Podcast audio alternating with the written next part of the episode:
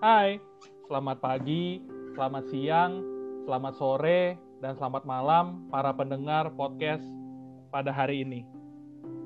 Firman Tuhan dalam Amsal 24 ayatnya yang ke-10 berkata, "Jika engkau tawar hati pada masa kesesakan, kecillah kekuatanmu."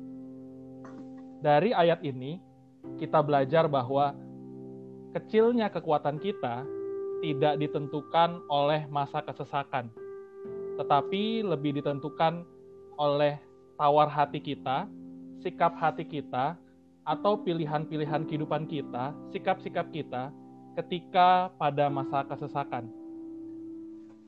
Selamat datang pada podcast pada hari ini, episode yang ke-9, bersama sahabat saya, Pastor Ferry Velani. Halo, brother. Halo, bro. Yeay akhirnya kita bisa berkesempatan untuk uh, kolaborasi di podcast ini. Jadi yes, uh, yes. buat para pendengar uh, podcast pada hari ini, Pastor Ferry Velani akan menyampaikan, uh, saya percaya banget pesan Tuhan yang luar biasa banget buat setiap para pendengar. Tanpa panjang lebar lagi, mari kita dengarkan apa yang akan disampaikan oleh uh, Pastor Ferry Velani. Yo, thank you Bim.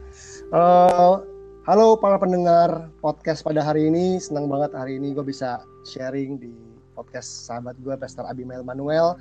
Dan hari ini gue pengen ngebahas tentang blame atau blaming, tentang sikap menyalahkan orang lain. Uh, tadi Pastor Bima sempat bilang, sempat kutip tadi ayat tadi ya bagus banget bahwa yang membuat sulit itu bukan karena masa kesesakan yang terjadi dalam hidup kita, tapi lebih pada respon dan sikap kita.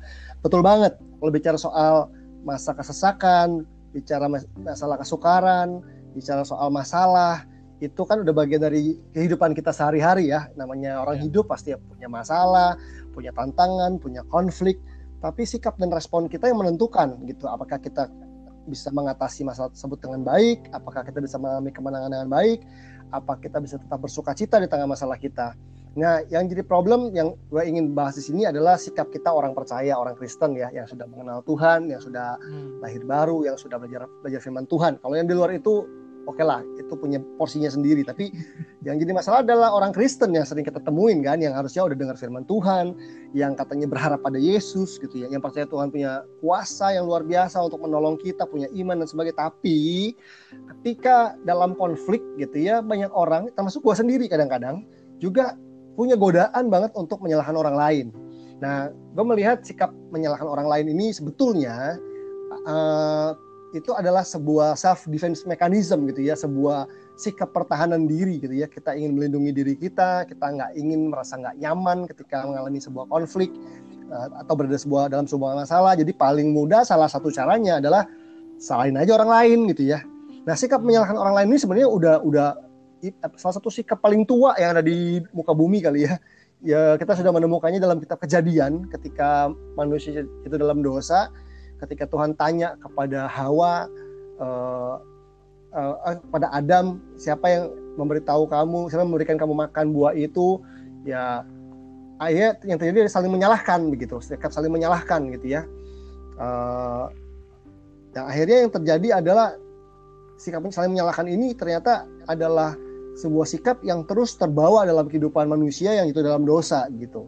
Sikap saling menyalahkan ini bisa ada dalam pernikahan kita, bisa ada dalam hubungan kerja kita, bisa ada dalam hubungan persahabatan kita. Tapi gue percaya bahwa sikap ini harus kita atasi, sikap ini harus kita bereskan dalam kehidupan kita. Kita harus belajar untuk tidak menyalahkan orang lain. Kenapa? Karena sikap menyalahkan orang lain membuat kita tidak bertanggung jawab terhadap kehidupan kita. Gue percaya banget bahwa Tuhan mau kita mengambil tanggung jawab untuk kehidupan yang kita alamin. Entah dalam situasi yang sukar sekalipun Tuhan mau kita tuh mengambil tanggung jawab gitu ya. Karena sikap bertanggung jawab itulah yang akan mendatangkan mujizat dan terobosan dalam kehidupan orang percaya. Tapi kalau kita nggak mengambil tanggung jawab ya salah satunya adalah salahkan orang lain gitu. Nah sikap menyalahkan orang lain adalah sebuah respon atau sikap yang negatif yang gue percaya itu bisa memperburuk keadaan. Kalau misalnya di rumah tangga misalnya kita ada masalah gitu ya katakan uh, ada uh, anak kita bersikap nggak baik gitu ya Kadang-kadang karena kita emosi, kita dengan mudah nyalain pasangan. Nih, lu sih didiknya nggak baik, lu sih kurang tegas gitu ya.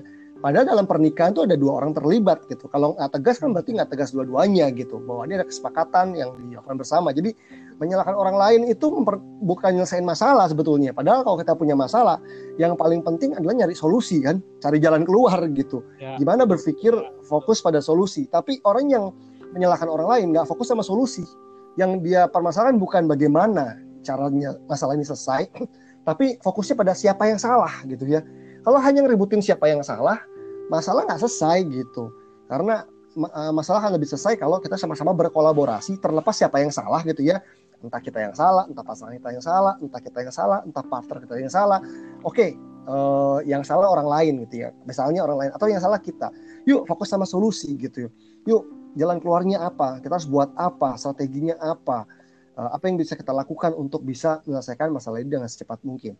Tapi gue menemukan ada banyak orang percaya yang fokusnya hanya sekedar menyalahkan orang lain supaya dirinya lega, supaya dirinya nggak ngerasa tidak terlihat buruk gitu loh, tidak terlihat bodoh gitu ya. Bahkan gue sering kali menemukan sikap menyalahkan orang lain ini salah satu manifestasi dari rasa tertolak, takut akar takut akan penolakan gitu. Kalau seseorang itu punya akar penolakan dalam dirinya, dia tidak ingin merasa tertolak, dia tidak ingin merasa jelek, dia tidak ingin merasa buruk di hadapan orang lain. Nah, salah satunya adalah walaupun tidak selalu ya tapi salah satunya adalah orang-orang seperti ini salah satu cara yang paling mudah adalah salahkan orang lain sehingga dia tidak merasa tertolak dia tidak merasa buruk di, di pandangan orang lain. Padahal itu nggak akan mengubah banyak hal. Kenapa? Kalau kesalahan itu dia yang buat tapi dia menyalahkan orang lain itu artinya kan berarti lu nggak mau nggak mau disalahkan. Kalau lu nggak mau disalahkan lu tidak mau mengaku salah berarti lu tidak memperbaiki diri kan?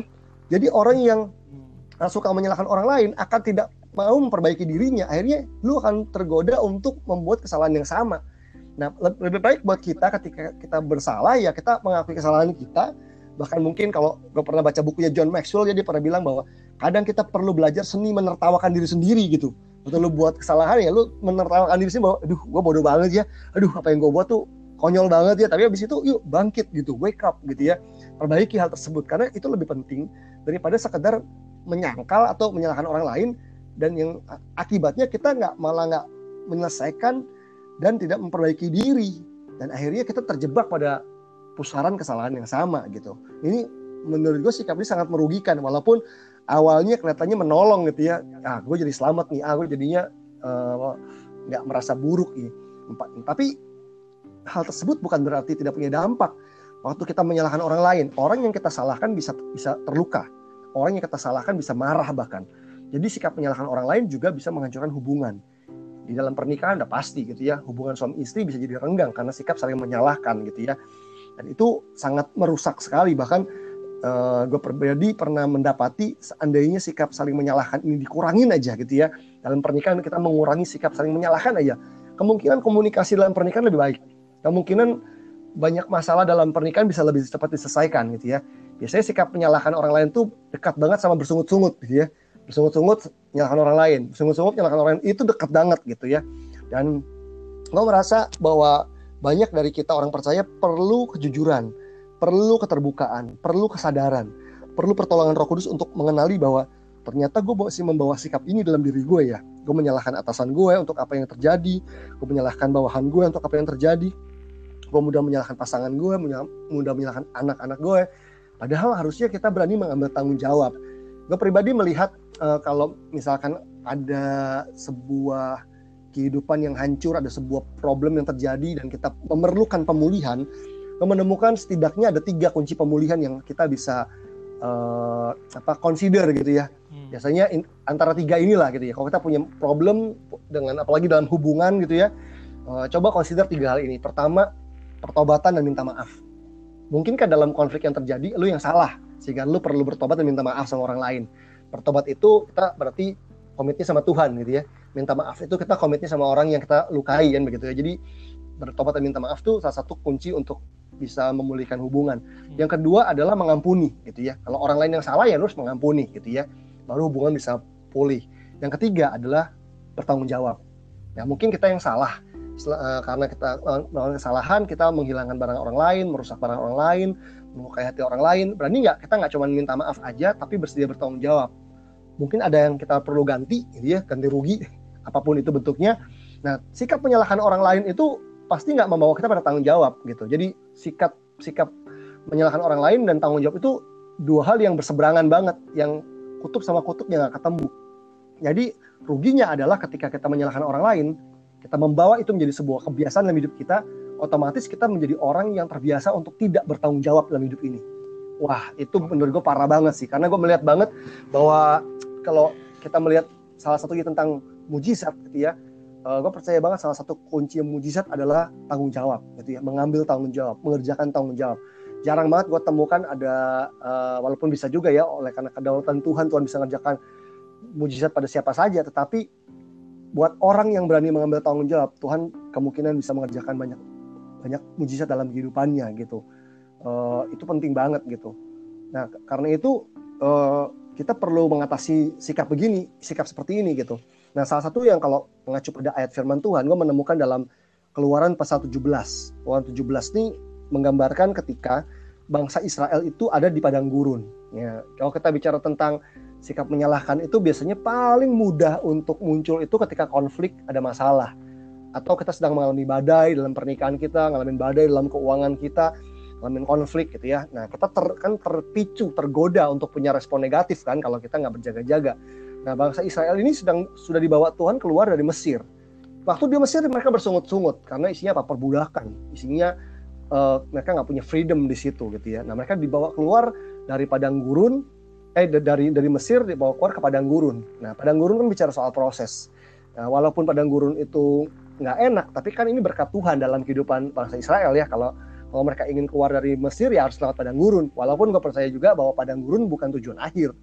Proses itu bukan tujuan akhir. Proses itu diperlukan buat kita untuk membawa kita pada pengenapan janji, janji Tuhan kepada tanah perjanjian eh, kira-kira seperti itu kan. Nah tapi di tengah-tengah proses itu ada banyak hal yang nggak enak yang terjadi nah salah satunya adalah di momen ini di keluaran 17 ini ayat yang pertama sampai ayat yang uh, ayat yang ketiga deh misalnya. Ini judul perikopnya di masa dan di Meriba. Kemudian berangkatlah segenap jemaah Israel dari padang gurun Sin berjalan di tempat persinggahan ke tempat persinggahan. Sesuai dengan titah Tuhan lalu berkemalah mereka di Rafidim tetapi di sana tidak ada air untuk diminum bangsa itu. Dikatakan bahwa bangsa Israel itu berjalan dari tempat persinggahan ke tempat persinggahan. Sama kayak hidup kita sebagai orang percaya. Waktu kita berjalan mengikuti Yesus, kita nggak langsung mencapai destiny kita gitu ya. Tapi kita dibawa dari dari tempat persinggahan ke tempat persinggahan. Mungkin kita mikir kok lama banget ya Tuhan? Kok lama banget ya Tuhan? Kok nggak nyampe nyampe ya Tuhan? Ada banyak yang kita keluhkan gitu tentang keadaan di tengah pergumulan tengah proses. Terus di ayat yang kedua bilang jadi mulailah mereka itu bertengkar dengan Musa. Mereka ini adalah bangsa Israel yang dibawa tadi keluar dari dari Mesir ke padang gurun Kalau dia bertengkar dengan Musa, kata mereka, berikanlah air kepada kami supaya kami dapat minum. Mereka haus ternyata. Tapi Musa berkata kepada mereka, "Mengapakah kamu bertengkar dengan aku? Mengapakah kamu mencobai Tuhan?" Terus dibilang, "Hauslah bangsa itu akan air di sana. Bersungut-sungutlah bangsa itu kepada Musa dan berkata, "Mengapa pula engkau memimpin kami keluar dari Mesir untuk membunuh kami, untuk membunuh kami, anak-anak kami dan ternak kami dengan kahau, dengan kehausan?" Uh, kalau di sini kita lihat pertama bangsa Israel itu bersungut-sungut. Jadi hal pertama yang dia lakukan adalah bersungut-sungut ketika nggak dapat air. Lalu muncul kalimat tadi kan, mengapa pula engkau memimpin kami keluar dari Mesir untuk membunuh kami, anak-anak kami dan ternak kami dengan kehausan? Kalimat ini kan menandakan uh, sikap menyalahkan kan, ya.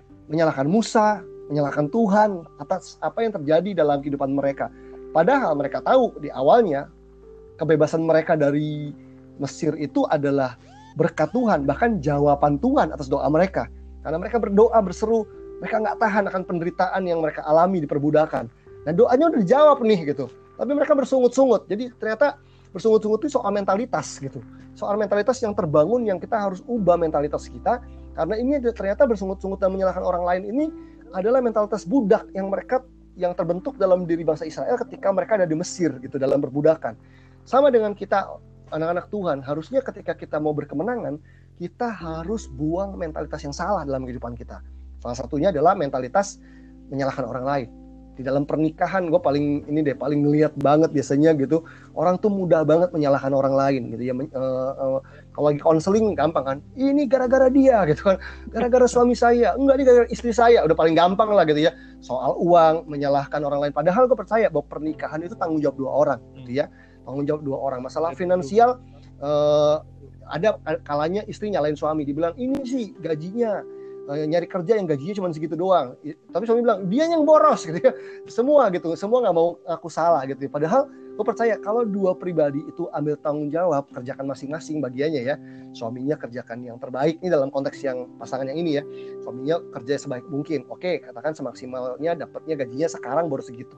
Tapi kalau berdua orang berhemat mungkin cukup gitu kan. Tapi karena sikap saling menyalahkan akhirnya malah bisa saling melukai.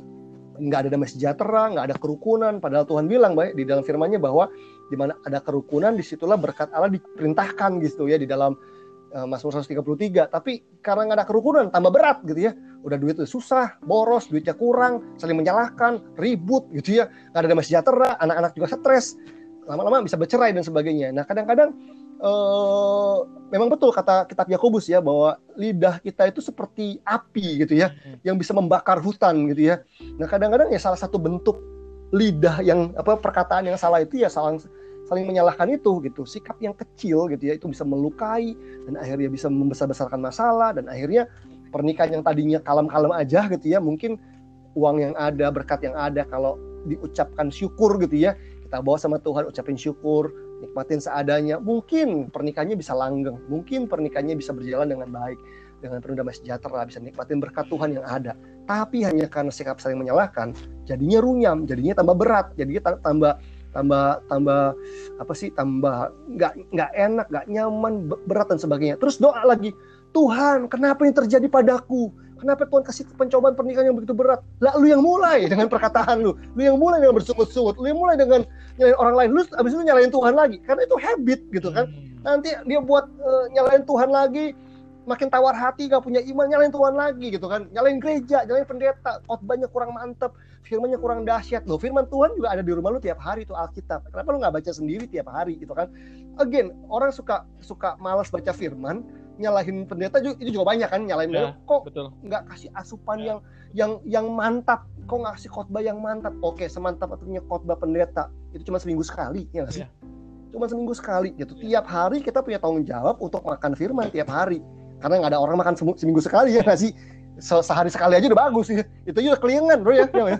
kita bener, makan bener. seminggu sehari sekali udah keliengan se se seminggu sekali terus lu berharap uh, lu ber berkemenangan terus nyalain gereja nyalain pendeta nggak bisa gitu sikap uh, seperti ini cuma nunjukin bahwa sebagai umat Tuhan aja sebagai jemaat lu nggak bertanggung jawab untuk merenungkan firman Tuhan setiap hari. Padahal firman Tuhan sudah ajarkan kita untuk merenungkan firman siang dan malam setiap hari gitu. Nah, gue melihat uh, concern kita hari-hari ini ada pada orang-orang Kristen yang tidak mau dewasa, tidak mau didewasakan, yaitu tidak mau mengambil tanggung jawab. Makanya banyak orang yang gampangnya menyalahkan orang lain gitu ya.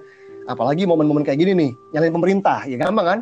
Oh pemerintah tuh gini, nggak tegas, berubah-berubah. Oke lah, pemerintah kita nggak sempurna gitu ya. Mereka sudah berjuang semampu kita. Kita perlu bersyukur sama Tuhan, perlu mendoakan mereka. Tapi again, akhirnya pada akhirnya hidup kita ditentukan bukan hanya oleh siapa yang memerintah di bangsa kita, bukan hanya oleh keputusan-keputusan yang dibuat oleh pemimpin kita di uh, tingkat uh, negara atau pemerintah ya atau tingkat kota dan sebagainya. Tapi masa depan kita ditentukan oleh respon kita sikap ya. kita yeah. gitu. Kalaupun pekerjaan kita hari ini struggle ya gitu ya kita di PHK atau uh, gajinya berkurang bisnis nggak jalan menyalahkan pemerintah nggak akan menyelesaikan masalah. Kita harus berpikir kreatif. Makanya orang yang suka menyalahkan orang lain jadi nggak kreatif. Jadi nggak kreatif jadi mandek gitu. Sikap menyalahkan orang lain itu membuat pikiran kita tersumbat. Padahal kita perlu berpikir jernih, punya inovasi, berpikir kreatif supaya bisa bertahan hidup, nggak bertahan dengan bantuan-bantuan pemerintah yang sembako dan sebagainya terus menyalahkan. Nggak nggak dapat sembako salah lagi dan sebagainya yuk sebagai orang percaya gue percaya bahwa Tuhan sudah kasih kita potensi. Tuhan kasih kita hikmat. Tuhan kasih kita uh, akal budi. Nah kalau kita punya sikap yang salah maka sikap yang salah tadi itu bisa menyumbat semua potensi kita. Yang rugi akhirnya ya kita sendiri. Kita sendiri yang nggak ngalamin berkat Tuhan dalam kehidupan kita. Padahal sebetulnya Tuhan tuh punya banyak berkat dalam kehidupan kita. Tuhan tuh punya banyak uh, opportunity yang dia mau kasih dalam kehidupan kita. Cuman masalahnya kadang-kadang kitalah yang jadi yang jadi masalah gitu. Dan satu hal lagi yang uh, gue perhatikan ketika gue membaca firman Tuhan ya, coba nyari-nyari referensi tentang menyalahkan orang lain. Ternyata sikap suka menyalahkan orang lain itu adalah salah satu sikapnya orang Farisi. Wow. Itu sikapnya orang Farisi. Wow. Orang Farisi itu suka suka mencari-cari kesalahan orang lain dan suka menyalahkan orang lain. Terutama Yesus targetnya gitu ya. Terus gue mulai mikir, waduh, gawat nih gitu kan. Kita mungkin kita mungkin menganggap sikap menyalahkan orang itu orang lain itu biasa gitu ya. Biasa lah gitu kita anggap itu cuma respon yang biasa lah. Tapi firman Tuhan bilang itu nggak biasa. Karena sikap menyalahkan orang lain itu juga menandakan kita nggak mempercayai Tuhan gitu. Kenapa kita nggak menerima keadaan kita, bertanggung jawab, bertobat, percaya bahwa Allah bisa mengubahkan keadaan kita. Nah karena kita nggak percaya, kita malah lebih menyalahkan orang lain, menuntut orang lain bertanggung jawab untuk apa yang sebetulnya tanggung jawab kita gitu. Nah itu sebetulnya adalah sikap yang kekanak-kanakan dan tidak dewasa yang bisa menghambat kita tidak menjadi orang Kristen yang dewasa akhirnya. Dan akhirnya kalau kita orang Kristen yang tidak dewasa, akhirnya kan kita jadi yang orang Kristen anak-anak kan. Ya nggak heran berkatnya beda gitu ya. Karena kalau anak-anak dikasihnya mobil-mobilan, rumah tuh rumah-rumahan. Kalau orang dewasa baru dikasihnya mobil beneran sama rumah beneran gitu kan. Jadi ya ini bukan ngomongin rumah atau mobilnya, teman. Kalau anak-anak dikasihnya ya berkat yang sesuai anak-anak, kapasitas yang bisa ditangkap sama anak-anak orang dewasa nanti dikasih berkat yang tingkatnya memang bisa dipercaya ya bisa ditangkap oleh orang dewasa tidak merusak kehidupannya dia gitu nah kita ingin berkat yang levelnya orang dewasa tapi sikapnya anak-anak gitu nah gue pikir sebagai orang-orang Kristen yang kita ingin bertumbuh jadi dewasa kita harus ninggalin sikap ini. Kita harus ninggalin sikap yang saling uh, sikap menyalahkan orang lain atau sikap saling menyalahkan dan memutuskan untuk menjadi orang Kristen yang berani mengambil tanggung jawab. Bahkan uh, eh, gue percaya gitu ya kalaupun kita perlu gitu ya walaupun nggak di semua situasi nih ya kadang-kadang ada orang lain yang salah kita perlu membiarkan orang tersebut mengambil tanggung jawab untuk kesalahannya dia. Tapi ada kalanya kita perlu belajar juga uh, Tuhan Tuhan juga mau dalam sebuah situasi kita yang mengambil tanggung jawab meskipun orang yang salah gitu karena ada ada orang yang melakukan kesalahan efeknya meluas besar ke mana-mana orang itu nggak mau nggak mau ambil tanggung jawab ya gue percaya Tuhan mencari orang-orang yang berani mengambil tanggung jawab untuk uh, membereskan situasi ya. Dan kalau bicara soal leadership gitu ya, bicara soal pemimpin, gue percaya pemimpin bukan cuma orang yang punya posisi gitu ya. Tapi pemimpin adalah orang yang berani make things happen, orang yang berani untuk mengambil tanggung jawab. Di tengah-tengah keadaan tidak ada orang yang berani ambil tanggung jawab supaya dia bisa dipakai oleh Tuhan untuk mengubah keadaan gitu. Nggak cuma mengeluh, nggak cuma nonton, nggak cuma nyalain orang lain, tapi ketika orang nggak ada yang mau ambil tanggung jawab dia yang bilang oke okay, boleh nggak gue yang ambil tanggung jawab? Boleh nggak gue yang turun? Boleh nggak gue yang bantu? Boleh nggak gue yang uh, pikul bebannya? Gitu dan sebagainya. Dan gue percaya di situlah pemimpin muncul gitu. Pemimpin tuh muncul uh, sebagai apa mau respon mengambil tanggung jawab dan di situlah Tuhan bisa bekerja mendatangkan pemulihan bagi kehidupan banyak orang. Kira-kira gitu kali bro. Wow. apa yang gue pengen bagiin malah apa sama teman-teman pendengar podcast Oke, mantap banget, mantap banget, banget. Uh, wow, uh, saya catat banyak banget dari kalimat pertama sampai kalimat terakhir berhamburan firman Tuhan, hikmat-hikmat yang luar biasa banget. Puji Tuhan. Uh, ada satu hal kayaknya yang menarik banget nih. Sungut-sungut dan menyalahkan Tuhan itu membuat kita tidak bisa menikmati berkat Tuhan meskipun doa kita sudah dijawab. Wow. Yes. Wow.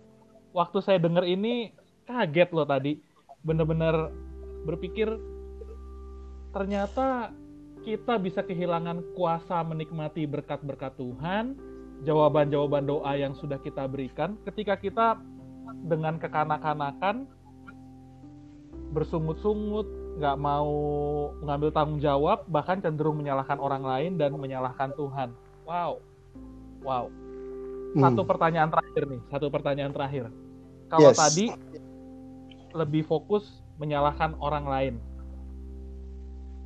bagaimana kalau ada orang-orang yang cenderung menyalahkan diri sendiri ketika dalam kesesakan, bahkan sampai mungkin jadi sulit bangkit karena memang menyalahkan diri sendirinya sampai pada tahap yang uh, mengkhawatirkan atau menghancurkan diri sendiri. Ada tanggapan nggak, brother?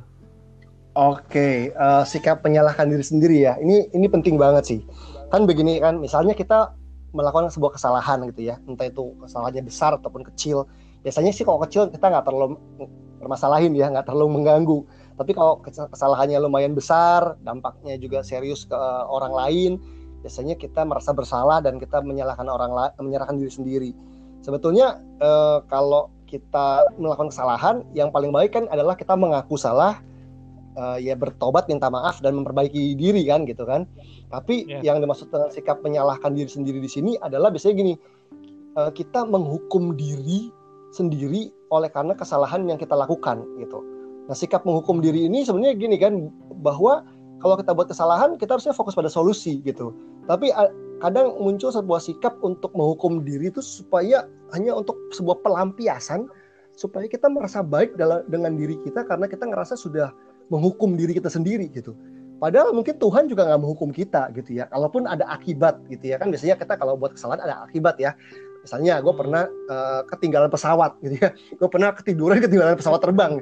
Kan salah kan gitu. Nah kalau seandainya uh, gue cuman menghukum diri gue dengan apa ya dengan hal-hal yang bodoh. Percuma kan? Maksudnya gini dengan pesawat telat aja gue udah terhukum sebenarnya gitu kan. At least kalau gue yeah. ter harus terbang ke sana gue harus beli tiket lagi gitu. Itu aja udah hukuman lah ibaratnya konsekuensi lah kita bilangnya. Jadi kalau gue fokus sama solusi ya itu akan lebih baik. Either gue harus menelpon pihak yang uh, misalnya kalau gue pelayanan ya gue mau menghubungi pihak tersebut untuk ya bagaimana lah solusinya. Entah ternyata gue nggak perlu terbang atau gue memang harus terbang dan sebagainya itu kan lebih penting gitu. Daripada sekedar apa ya apa ya menghukum diri gitu ya entah entah dengan cara apa pun gitu entah menghukum dirinya uh, maksud gue gini kon, memikul konsekuensi itu baik gitu ya. Menanggung bertanggung jawab terhadap konsekuensi itu baik karena itu adalah sikap yang gentle itu adalah sikap yang seharusnya itu namanya bertanggung jawab. Tapi sikap menyalahkan diri sendiri kan kadang-kadang gini itu nggak ada jalan keluarnya itu nggak apa ya nggak ada juntrungannya gitu. Itu cuman untuk ah. apa sih untuk kepuasan diri lu sebetulnya tuh untuk ego lu sendiri gitu dan itu itu apa ya itu malah jadi alatnya iblis untuk menghancurkan rasa berharga lu, untuk menghancurkan identitas lu gitu ya. Yang sebenarnya nanti paling ya orang kalau udah nyalain diri sendiri pasti bawanya melo gitu ya, melo, down, baper gitu ya. Terus kerasa nggak layak gitu ya, terus menarik diri, mengisolasi diri, apalah gitu ya. Entah nggak mau makan lah, entah ya, jadi hal-hal yang merusak dirinya sendiri. Padahal konsekuensi lu udah udah, dapet dah dengan salah yang lo buat misalkan contoh tadi ya ketinggalan pesawat udah dapet gitu bahwa akibat lo lalai mungkin uh, entah tidurnya telat dan sebagainya nggak main sesuatu dengan dengan baik udah lu ya udah harus membayar harganya gitu dengan hal tersebut. Nah sikap menyalahkan diri sendiri ini adalah apa ya kayak sikap menyakiti diri gitu loh. Apa ya kalau kalau hmm, kita kita pernah menemukan orang yang suka nyakitin diri sendiri itu kan kayak apa ya dia punya problem emosional gitu dia punya masalah banget sama dirinya dia. Dia dia membenci dirinya gitu. Kayak apa ya eh, lu bodoh gue bodoh banget sih gue bodoh banget sih. Jadi dia membenci dirinya. Nah itu yang yang apa ya yang sebetulnya kita perlu tahu juga apakah ada akarnya gitu.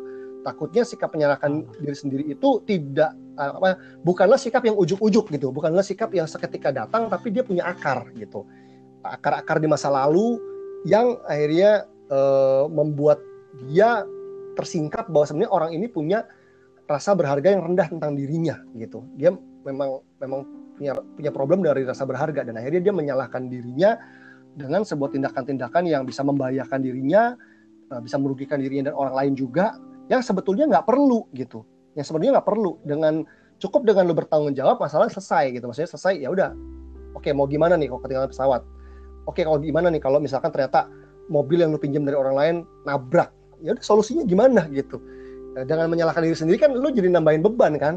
Jadi tadi yang uh, yang lu bilang bim di awal bahwa ketika lu tawar hati dalam masa kesesakan uh, jadi makin berat bebannya gitu. Lu kehilangan kekuatan. Padahal di tengah masalah tadi di tengah-tengah lu buat salah lu justru perlu kekuatan ekstra untuk memperbaiki masalah ya nggak sih?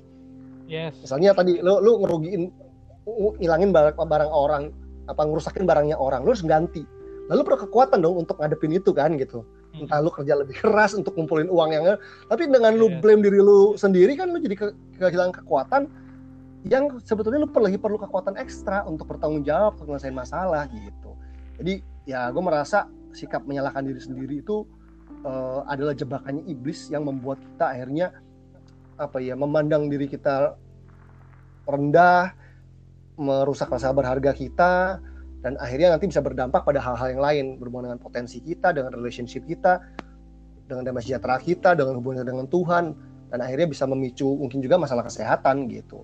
Padahal sebenarnya itu nggak nggak perlu ya gitu. Jadi jangan uh, ya gini rasa bersalah itu dalam tingkatan tertentu perlu lah untuk memberitahu kita bahwa kita salah. Tapi tinggal dalam rasa bersalah yang berlarut-larut itu merusak banget secara emosional dan itu akan berdampak pada hal-hal yang lain. Wow. wow. Ternyata sikap-sikap menyalahkan orang lain, menyalahkan orang lain atau menyalahkan diri atau sendiri itu itu bagian dari bagian permasalahan emosional emosional kita juga ya. Yes. Akhir dari kebutuhan untuk merasa lega, tidak terlihat buruk depan orang lain, atau mungkin ada rasa tertolak dalam diri kita yang kita ingin tutupi. Wow, thank you banget, uh, brother, buat uh, perbincangan kita nih di podcast pada hari ini. Uh, Sama-sama, bro. Thank you thank you banget ya brother ya. Uh, kapan-kapan kayaknya next kita perlu lanjut lagi nih. Wah luar biasa banget. Kapan-kapan kalau ada waktu banget. kita lanjutkan lagi nih perbincangan kita. Oke okay, uh, eh, terima boleh kasih mendengarkan podcast pada hari ini. Sampai jumpa di episode berikutnya. Tuhan Yesus memberkati Tuhan Yesus memberkati